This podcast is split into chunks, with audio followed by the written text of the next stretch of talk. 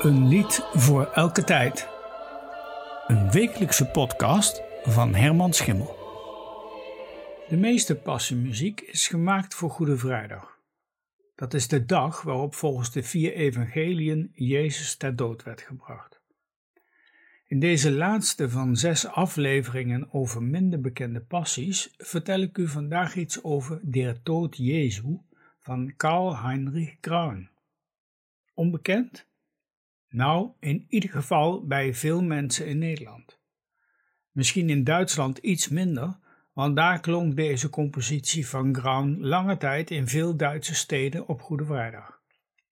Met name in de tweede helft van de 18e eeuw was de tekst van Der Tod Jesu populair.